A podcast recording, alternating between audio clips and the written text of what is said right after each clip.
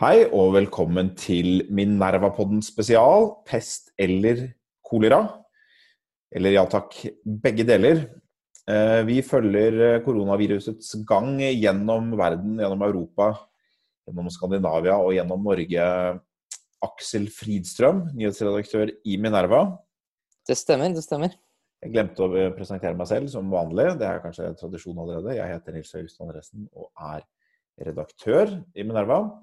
Vi kjører denne podkasten øh, øh, for å diskutere ulike spørsmål som, som, dukker opp knyttet til myndighetenes håndtering av denne situasjonen. Før vi går i gang, Aksel, så tenkte jeg skulle si øh, vi har jo et fantastisk tilbud gående på, på Minerva i denne koronatiden. Én krone for én måned. Syns du det er et godt tilbud? Jeg synes det er et veldig godt tilbud. Nils August. Det er rart ikke flere slår til. Ja, det er, det er, nesten rart. Nå vil jeg jo si at Du er jo ikke helt uhildet i din vurdering, men jeg er glad for å høre at du allikevel støttet dette. Vi går i gang. Eh, du har sett på en rapport Aksel, som du har skrevet en eh, kommentar om, eller en, en nyhetssak, kanskje? Kan Si. En nyhet er det vel egentlig jeg har skrevet. Du har skrevet om en ny rapport fra Imperial College. Hva forteller den rapporten oss? Ja, så Imperial College er jo da Dette er de samme forskerne som har skrevet denne eh, veldig innflytelsesrike eh, rapporten, der hvor man spådde at eh, veldig mange mennesker ville dø i, i, Storbritannia og USA hvis man liksom ikke implementerte tiltak. Og Nå har jo de da fulgt opp med en ny rapport der hvor de ser på effekt av, av tiltak. Og Denne rapporten er jo da ganske interessant. Jeg kan jo si litt om eh, hva den gjør. Men det den forsøker å gjøre, er at den ser på observerte dødsfall, og så forsøker den å tilbakedatere epidemiens uh, utbredelse da to-tre uker tilbake i tid, og ser om det er, liksom, er trendbrudd da, basert på eh, når uh, disse tiltakene blitt, ble iverksatt, og da antallet mennesker som, som dør. Og det man jo kan jo si at Dette er på sett og vis en litt oppløftende rapport, men den, er jo også, den hefter også med veldig stor usikkerhet. Men det den sier, er jo at flere land har, liksom, har lykkes med å ganske dramatisk redusere eh, dette reproduksjonstallet. Eh, da ned mot eh, enkelte steder, er kanskje ned mot allerede mot, mot, mot én, da, slik at epidemien da over tid vil, vil, vil stanse opp. Altså, Når du sier enkelte steder, er det, hvor er det rapporten finner at man har kommet så langt ned som, som under én? Hva slags steder er det snakk om? Du ser jo på elleve land. Ja, blant annet Norge så uh, anslår man det som mer enn 50% sannsynlig at uh, reproduksjonstallet er, er under 1. Men Norge er et veldig vanskelig case å studere, for den norske økonomien er jo veldig svært begrenset sammenlignet med, med andre land. Og, alle tiltakene ble implementert samtidig, så det er, liksom, det er, ganske lite datamateriale å se på. Men man tenker jo også at i de landene som har mer utbredte epidemier, da, at man også har klart å, å tvinge reproduksjonstallet ned. Jeg kan jo se om jeg kan, jeg kan jo nesten gå inn på den rapporten, så kan jeg nesten sitere direkte fra den, så jeg ikke sier noe du kan jo si, Jeg kan jo i mellomtiden uh, si litt om hvorfor det er sånn at det er, uh, er, så stor usikkerhet rundt disse estimatene. Altså Det er ganske vanskelig å modellere en epidemi fordi man har masse ukjente parametere av typen hvor lang tid tar det fra man blir smittet til man selv er smittsom? Hvor lang tid bruker man på å smitte andre? Eh, det påvirker i veldig stor grad hvordan man regner ut dette reproduksjonstallet. Eh, og man vet jo ikke hvor mange som er smittet, man aner ikke hva som er mørketallene. Man vet ikke hva dødeligheten er, så når man skal estimere ut fra dødstallene, så blir det ganske krevende. Og det som er i denne situasjonen, er at eh, det tar ganske lang tid fra mennesker blir smittet til de dør, selv om vi ikke vet akkurat hvor lang tid det tar. Det endrer seg også utover epidemien. Også pga. lokale forhold, holdt jeg på å si. Ja, lokale forhold og etter hvert de de, som bruker lengst tid på å dø, er jo ennå ikke døde, for å si det sånn. Så det, det er også en sånn faktor som, som, gjør at dette endrer seg litt over tid. Men generelt sett så er det sånn at uh, det tar uh, kanskje to-tre uker for, for, de fleste fra de blir smittet til de, til de dør. Og når man da tar utgangspunkt i døds, uh, dødstallene, så vil man jo se f.eks. i Norge da, at hvis vi tenker at vi skal gå 17-18 dager tilbake, mm. så er vi jo på 13, 13 og 14. mars tiltakene ble iverksatt 12.3, eh, og da forstår man at det, det, er ikke mange datapunkter man har å gå på når man skal estimere effekten av de norske tiltakene i en sånn modell. Denne estimeringen er vel gjort 28.3, tror jeg, i denne modellen. De, de og norske tiltak er jo iverksatt vel 12.3, mange av dem. Så det er jo ja, eh, det er ikke det, så lett. Det er ikke, mye, det er ikke mye data du har å se på. Det er veldig lite data. Og man kan vel også faktisk eh, si at eh, hvis, hvis, vi ser på dødstallene i Norge fra Så 28. mars, skal vi se, jeg kan sitte og, og se på det mens vi snakker her, så har de dessuten gått lite grann Nei, de har faktisk vært relativt stabile siden 28. mars. De ligger på fem. Men det er jo et veldig hopp opp fra 26., så det kommer veldig an på når de har estimert. Hvis de sier at dette ligger flatt i Norge, så, så er det et markant hopp fra 26. til 27. og holdt seg på litt høyere nivå. Så det blir veldig spennende å følge dette, dette fremover. Men vi, vi skal prøve å løfte blikket litt, uh, ja. Aksel. Eh, altså, hva, de, hva, hva, slags implikasjoner har Det, det, det de finner, det, det du, du, sier er at de finner at uh, tiltak har effekt. Uh, og det kan til og med denne ha så sterk effekt at det går ned mot én, til tross for stor usikkerhet, som vi kan si litt mer om kanskje etterpå. Uh, og så er det også forskjell mellom land. så for har de estimert at i Sverige har det ikke gått så langt ned som i Norge, selv om igjen veldig stor usikkerhet. Men hva... Sverige er jo den andre, den andre, ytterligheten i modellen, men det er jo da også uh, betydelig usikkerhet om hva som egentlig skjer der. Mm. Men, men, hva betyr dette her for oss? Altså, vi har snakket om dette litt tidligere i en norsk kontekst. Så har vi snakket om at regjeringen har jo da fått Norge har fått fremlagt disse to strategiene om du eller disse to scenarioene fra Folkehelseinstituttet. Brems, som sier at vi skal, skal ikke stoppe epidemien, vi skal gjøre at den brer seg saktere. Der har man forutsatt at hver smittet smitter 1,3 ny person. Reproduksjonstall på 1,3. Og så har man da dette undertrykksscenarioet hvor man skal stoppe, slå ned, det er blitt liksom uttrykket, slå ned epidemien med et reproduksjonstall på 0,9 eller lavere, for den del. Uh, og det har jo vi i en tidligere podkast sagt at det er ikke så veldig sannsynlig at man kommer så langt ned. Det er sannsynlig at man konvergerer mot en slags bremsstrategi innen disse tiltakene skal, uh, er evaluert og skal eventuelt fornyes eller justeres uh, før 13.4. Men hvis dette nå skulle vise seg at man er i nærheten av å nå et sånt tall, altså de gir et sentralestimat på, på 0,97 Eh, enorm usikkerhet. Konfidensintervallet går fra 0,14 til 2,14, som, som, betyr egentlig i praksis at konfidensintervallet går fra epidemien er nesten slutt til den er i ferd med å eksplodere. Eh, så det, så det er stor usikkerhet. Men hvis det skulle slå til dette sentralestimatet, så betyr det at man er i nærheten av å nå dette eh, undertrykksscenarioet. Eh, hva, hva skjer da? Har vi noen tanker om det? Altså jeg tror at det ville skape et, et, et, et ekstremt vanskelig En form for dilemma da, for uh, norske beslutningstagere. Fordi at uh, det vil jo uh, Da vil man jo ha liksom, Kanskje innenfor rekkevidde da, og midlertidig slå denne epidemien helt ned.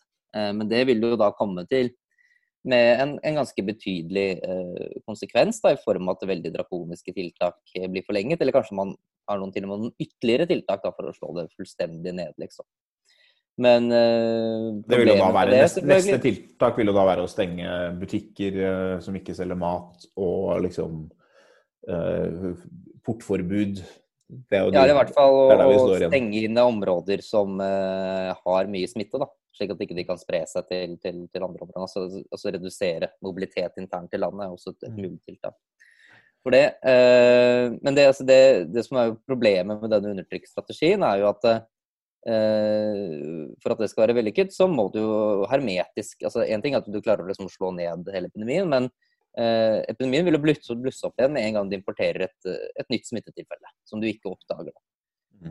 og det er jo veldig veldig vanskelig å få til. ikke sant? Så her er man jo i ferd med å lykkes med en strategi på kort stikk kanskje bedre enn det man hadde trodd. I hvert fall hvis vi skal tro denne rapporten fra Imperial College. Mm. Men som da vil skape en veldig eh, vanskelig situasjon for å stake ut en, en langsiktig kurs. Da. For Man kan jo også se for seg sant, at Norge nå i løpet av en tre-fire uker da, Det viser seg at det, liksom, det er ekstremt vellykket det liksom, man har gjort i Norge. Og så vil man jo se at en rekke andre land som har intervenert eh, mindre, da, eh, får veldig, veldig, veldig, veldig store problemer i sine helsevesener. Og da vil jo eh, det være veldig vanskelig å argumentere for at man skal myke opp igjen eh, de tiltakene. Og da går man jo på sett og vis vekk ifra det å forsøke å få til en slags kontrollert epidemi. Eh, og det å, å, å, undertrykke viruset på lang sikt i Norge vil jo være, vil jo være vanskelig. Altså, og det kan jo til og med være at det er på sett og vis kontraproduktivt. Så kanskje det liksom aldri kommer en eller annen vaksine eller en eller annen kunstig måte å immunisere befolkningen på. Eh, og da vil man jo på et eller annet vis uansett måtte åpne opp et. Og da kommer jo viruset tilbake. Ja, det vi ser litt nå i, i land som Hongkong, som vel har sin tredje bølge og tredje runde med lockdown og, og sånn for å slå dette ut. Eh, fordi målet med å ha så, så dramatiske tiltak altså Det er selvfølgelig delvis da å redde liv og, og håpe at man kan eh, unngå smitte helt til det kommer en vaksine. Eh, og hvis det kommer en vaksine. Men det er jo delvis også at da kan man man tenker seg og man forestiller seg, jeg tror mange der ute også forestiller seg at hvis viruset er helt borte, da kan man også slippe tiltakene helt opp. Altså hvis man, hvis man kommer ned til null smitte, da, kan, da, trenger man ikke noe tiltak. Men det er altså da dette, altså hvis du får inn ett tilfelle fra over grensen. Det å forstå hvor fort det da utvikler seg. Altså hvis man, eh, man har anslått i Norge at før tiltak så hadde man et reproduksjonstall på 2,4 og en, en, viss uh, generasjonstid, anslagsvis 7-8 dager. Og med, med, hvis man får inn tre smittetilfeller, så vil man, bare for å illustrere, så vil man kanskje i løpet av en måned da uh, ha 500 smittede. Eh, og det kan fort skje uten at man da merker det i så veldig stor grad, hvis ikke de blir veldig syke. Det tar litt tid før de blir syke, så man merker ikke dette da før man har 300-400-500 eh, smittede etter en måned. Og da går det jo veldig tid, veldig kort tid, før man har eh, mange, mange tusen, mange titusen smittede, hvis man ikke setter i verk tiltak. Så, så, da får man noen sånne uh, sykler med full lockdown, kjempedramatiske endringer, hvis man får inn ett eller to eller tre tilfeller. Så, så det, en, det, blir en veldig krevende strategi. Vi har jo forutsatt litt, Aksel, at myndighetene og Folkehelseinstituttet ikke er så veldig uenige. At de har, Folkehelseinstituttet har jo i, i, relativt klare ordelag eh, bak en byråkratisk fasade advart mot dette, uh, dette undertrykksscenarioet. I hvert fall som et langsiktig plan. Ja, i hvert fall som en, ja, fall som en langsiktig plan. Ja. Og vi har forutsatt at myndighetene og Folkehelseinstituttet ville komme til å konvergere på dette. Og da blir jo et spennende spørsmål hva som skjer hvis den strategien myndighetene for så vidt har sagt at de nå følger, selv om de, selv om de har hedget litt og sagt at de også forbereder seg på det andre scenarioet. Hva, hva, gjør det med konflikten hvis dette målet nå plutselig fremstår både for politikere, men også for offentligheten eh, som et mål som er innenfor rekkevidde? Da vil jo strategivalget bli mye tydeligere. Eh, jeg vil si at I forrige korsvei så, så var det jo min oppfatning at, vi, at vi ikke egentlig gjorde et tydelig strategivalg. Vi sa at vi setter i verk en rekke tiltak uh, i den tro at de uh, Vi fortsetter disse tiltakene.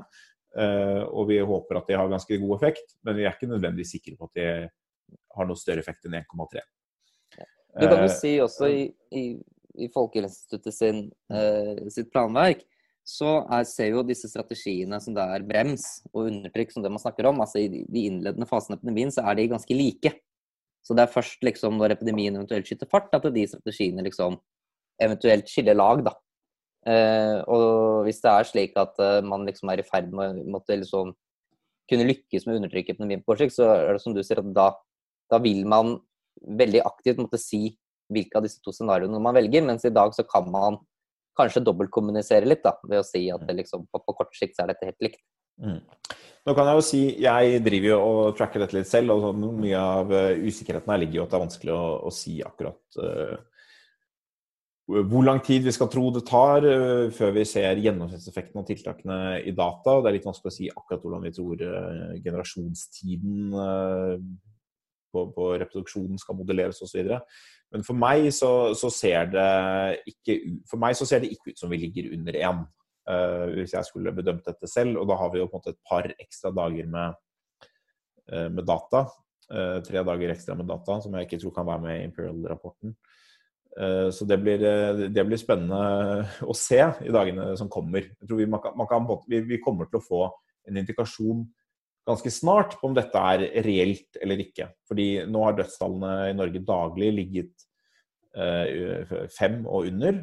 Og hvis de hvis de på en måte aldri går over fem for å si det sånn, i løpet av de neste fem dagene, da, da er jo det en, en interessant indikasjon på at det har flatet ut. Men hvis det går, kryper videre oppover, så er det en indikasjon på at det ikke har flatet ut. Mm. Fordi, fordi, hvis reproduksjonstallet er, faktisk er under én, eh, og har vært det siden uh, siden 12.3, så, så skal, det ikke, skal, det ikke, være noen uh, Fra nå og fremover så skal vi ikke vente noen større vekst i daglige dødsfall.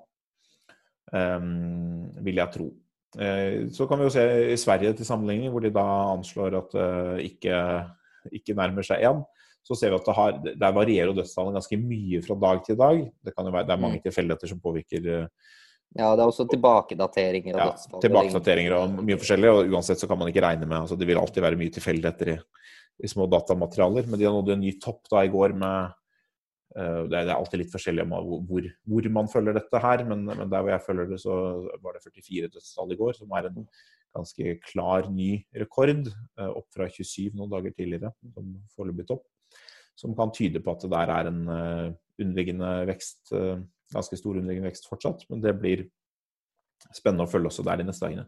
Det man kanskje kan si litt, hvis vi skal både gå litt tilbake til dette med usikkerheten i denne rapporten, Aksel. Altså, du, den har jo sånne svære, feite grafer som, eh, som skal vise liksom, hvor er reproduksjonstallet nå. Og så dekker den nesten hele, hele arealet mellom én og to. Eh, som jo da er i, i folkehelsemessig forstand dramatiske forskjeller, hvor én betyr epidemien er slutt, og to betyr nå eksploderer det.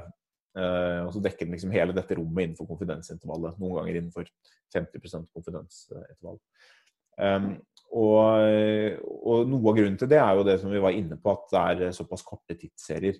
Så det er jo på mange måter kanskje et argument for det som har vært uh, en slags felleslinje egentlig fra Folkehelseinstituttet og regjeringen, at vi trenger mer tid for å si noe klokt om effekten av disse tiltakene.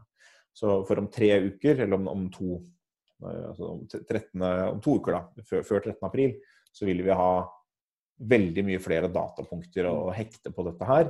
Mm. Og, og vi vil ha et mye, bedre grunnlag for å si noe om mm. omtrent hvor vi ligger, og omtrent hvor virkningsfulle tiltakene har vært. Et interessant poeng også som Imperial College tar på om den norske situasjonen, er at det i Norge er veldig vanskelig å beregne effekten av enkelte tiltak, for at alle tiltak er nærmest implementert på samme tid. Mm. Eh, så hvis man skulle lette opp tiltak, så ville det også være litt vanskelig å vite nødvendigvis hvilke tiltak man skulle lette opp. For at når alt implementeres samtidig, selvfølgelig, så kan du ikke tilskrive en, en, en effekt til det enkeltstående tiltak. Nei, man kan jo, Det man kunne gjort, Aksel, at man kunne se det, for det de, de, gjør, er at de lager en modell som på sett og vis forsøker å estimere da, effekten av de enkelte typer tiltak. Eh, men de forutsetter vel da at de virker likt i alle land. Jeg vet ikke om det nødvendigvis er en riktig forutsetning? Det er nok i hvert fall en, en, en, en forenkling. altså Det de f.eks. sier om, om, Sverige, er jo at eh, de antar jo at reproduksjonstallet er høyt, fordi at Sverige har iverksatt mindre tiltak. Så det, det er liksom at tiltaket ikke er der, gjør nødvendigvis at det, det må være, da, måten dere som dere har bygget på, så må det være mye mer smitte der. Men eh, det er jo selvfølgelig grunn til å tro at ulike lands befolkning har litt ulike måter å forholde seg til eh, pålegg, råd og, og, hint og vink fra, fra myndighetene. Altså I Sverige f.eks. er jo et, eh, et veldig lydig folk. da. Så hvis, hvis svenske myndigheter sier nå råder jeg deg til å være hjemme, så er ikke det sikkert at det, svensk atferd er så veldig annerledes fra at det nærmest er forbudt å gå utenfor huset. Uh, og det vil jo være, kanskje være helt forskjellig fra et annet land. ikke sant? Altså, I andre land så må det komme mye strengere pålegg om en bestemt atferd uh, enn det det f.eks. kanskje må da, i, i, Sverige for at folk faktisk skal gjøre en atferdsendring. Jo, I, Norge, I, Norge, er vi jo glad i å tenke på oss selv som et slags ulydig folk. og folk, altså vi folk trekker fram. Vi stemte nei til EU selv om eliten var for og, og sånn. Og vi har jo hørt mange sånne historier de siste ukene om folk som har trosset hytteforbud og uh, ordførere som truer med heimevern og sånn for å sende dem hjem. Og, og folk som uh, bryter karantener og i det hele tatt ikke helt tar, tar disse rådene og kanskje alvoret helt innover seg, eller er uenig. Men jeg tror i en internasjonal sammenheng så kan vi kanskje anta at Norge allikevel er et land hvor i ganske stor grad er eh, en, en lydig saueflokk likevel, eller hva, hva, tror du, Aksel? Ja, vi er i hvert fall eh, kanskje, Vi går kanskje ikke helt forrest i den lydige saueflokken, men vi er nok eh, blant de som leder, tror jeg. Ja, Vi er ikke, så, ikke fullt så lydige som Sverige. Men det svenske svenskeleire er også veldig interessant fordi at hvis du f.eks. går på Østermalm i Stockholm under julen, så vil du se at alle vinduer i, i, hele bydelen har liksom satt ut en helt sånn identisk sånn julestake. Jeg husker jeg spurte liksom noen svensker er det, er det pålegg, eller er det, er det, myndighetene som sier at dere må gjøre det. Nei, det er ingen pålegg. Men alle liksom bare intuitivt velger å gjøre uh, det nøyaktig samme. Og det tror jeg du, du, du ville aldri sett noe sånt i Norge.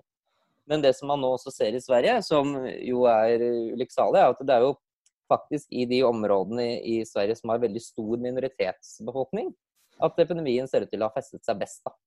Så de er da enten at de ikke de mottar disse rådene, altså de har ikke formulert språk som disse miljøene kan forstå, eller at de kanskje ikke eh, hører på de rådene, skaper jo da også noen problemer da, for den svenske strategien. Og kanskje gjør at den er mindre effektiv enn hva den ellers ville vært. Så det, Dette er jo et eksempel på en, en situasjon der myndighetene er avhengig av å, å, nyte veldig høy tillit for å kunne nå ut med råd, og delvis også med forbud, med mindre man liksom har et, en en politistat til å implementere det.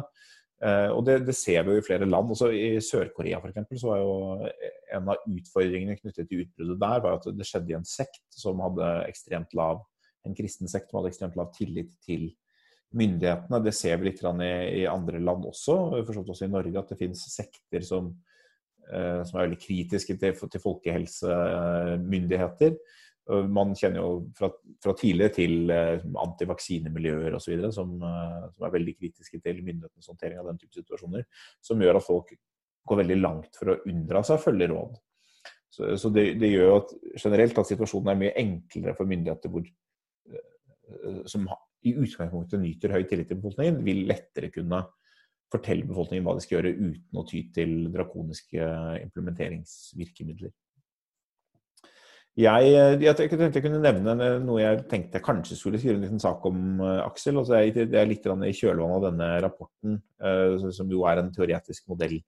Det er en empirisk estimering på en teoretisk modell som Eh, har veldig stor usikkerhet. Men jeg tenkte å se litt på bare numerisk utviklingen i eh, Italia, hvor, en, eh, hvor, det ser ut som det er en utflating. Altså det har liksom ikke gått så veldig mye opp etter 24. mars. For det er noe jeg tenker kommer til å kanskje spille litt inn i den norske debatten. For, I Italia så fornyet man jo disse, denne lockdownen nå, nå nylig. Nettopp oppmuntret av at dette liksom har fungert. og Der, der har man jo vært i en situasjon der samfunn, altså, samfunnet har vært kaotisk, helsevesenet er blitt sprengt, og man har sett det som helt nødvendig å, å slå dette ned, da, for å bruke det norske nyordet uh, knyttet til virusbekjempelse. og nå kanskje har lykkes med det.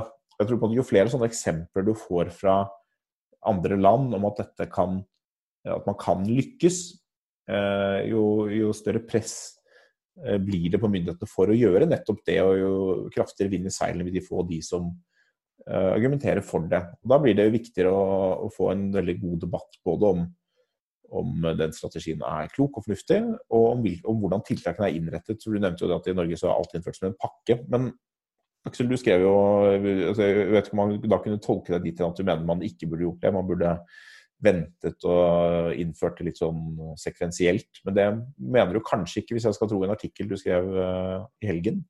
Nei, jeg mener ikke det. Altså, eh, jeg mener at det er jo mange kan si Det er mye man skulle ønske at det liksom var annerledes med måten disse tiltakene kanskje er utformet på, eller hvordan det er gjort og den type ting. Men, men det man jo holder på med uh, når man lager sånne tiltak, er at man jo forsøker å bygge et slags bollverk mot en tsunami. da. og da er det jo Eh, et slags tidspress disse tingene skjer, skjer under. Uh, og det er jo viktigere at det, eh, det bollverket er, er, høyt nok, enn at du liksom nødvendigvis kan eh, veldig godt beskrive hvordan lage denne type bollverk uh, til, til, senere tidspunkt, eller liksom bruke det som et sånt vitenskapelig eksperiment. Så det ville vært fordeler å ha den informasjonen, men den ville jo vært, vært dyrkjøpt, da. Mm. Antakelig for dyrkjøpt. Det er også noe som kanskje, kanskje kan være litt vanskelig å, å skjønne når man bare ser på Eh, den informasjonen man får i en tidlig fase i en eh, pandemi. Altså, da disse, til, disse, tiltakene ble iverksatt i Norge, så var det jo eh, ingen dødsfall i Norge. Det kom senere samme kveld. Men det var antagelig et par tusen smittede. Selv om det er et, det er et estimat, men antagelig var det det. Og hvis man da hadde ventet f.eks. tre eller fire dager å, eller en uke med å innføre tiltak, eller man hadde innført liksom, ett tiltak én uke og så et annet tiltak neste uke for å se hva som hadde effekt, så ville man jo vært i den situasjonen at uh, den, denne veldig kraftige veksten ville fortsatt ganske lenge og mangedoblet epidemiens omfang på dette tidspunktet. Og dermed på skapt det presset mot helsetjenesten som jo er hele øvelsens hensikt å, å, unngå. Og Det kan være litt vanskelig å ta ordentlig inn over seg jeg tror jeg kanskje i befolkningen når, når man ennå er i en veldig tidlig fase av epidemien, før det egentlig har oppstått store samfunnsproblemer som følge av selve sykdommen, så kan det være vanskelig å liksom skjønne at det skal ha så voldsomt uh, hastverk.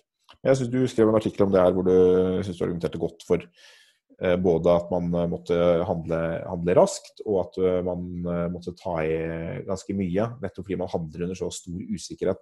Som jo denne, hele denne modellen du, paper du snakker om nå, også viser. At de beste forskerne på feltet prøver å estimere en modell, og den kommer ut med et ekstremt stort sprik. ekstremt store konfidensintervaller.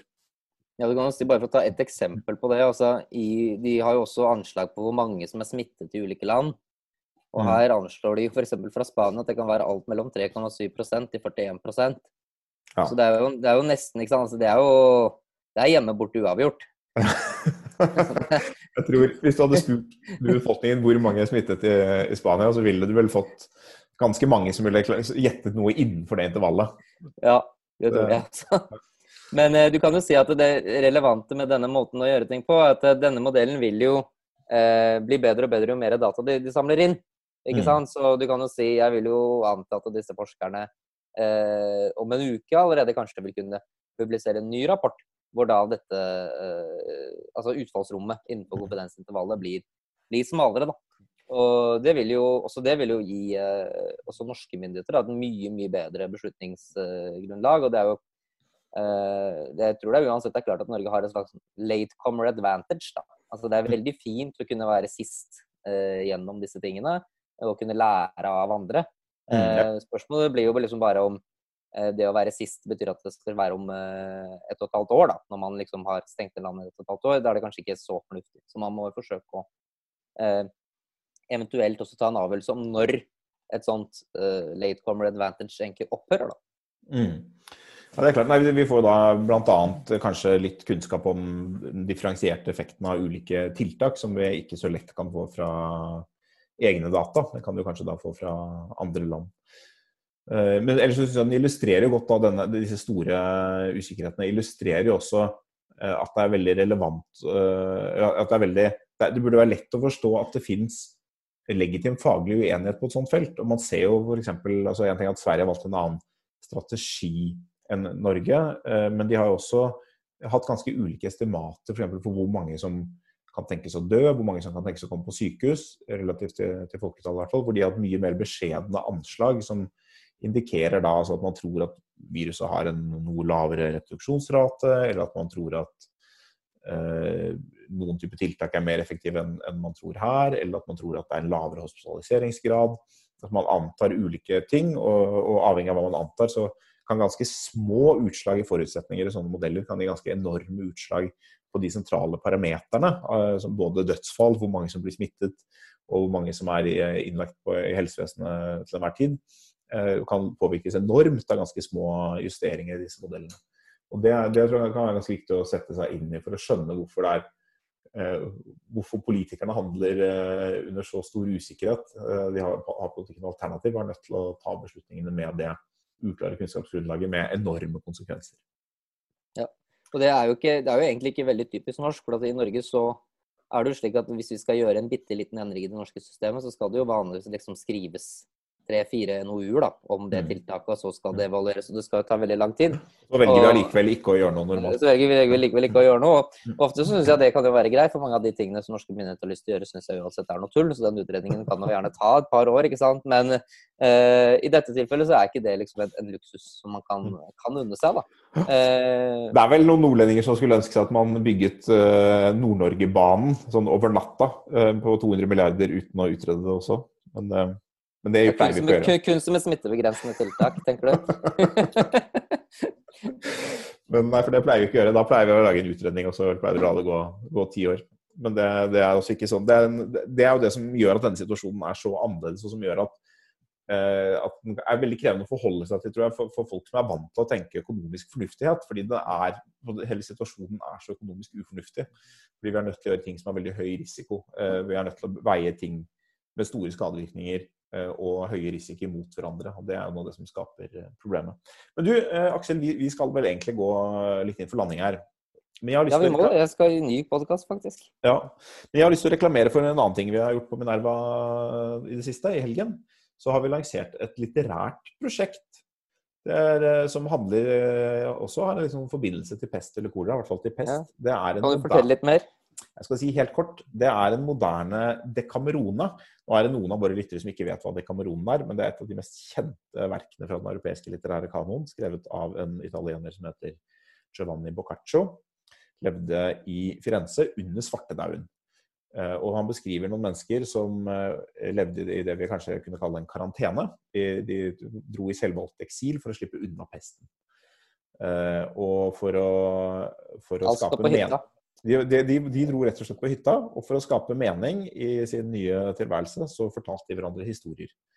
Og nå sitter jo alle nordmenn Vi sitter jo i her på den podkasten så sitter vi jo i hver vår leilighet, Aksel, og, og veldig mange av oss møter få mennesker om dagen. Noen er i isolat, noen er i selvvalgt isolasjon, noen er i karantene.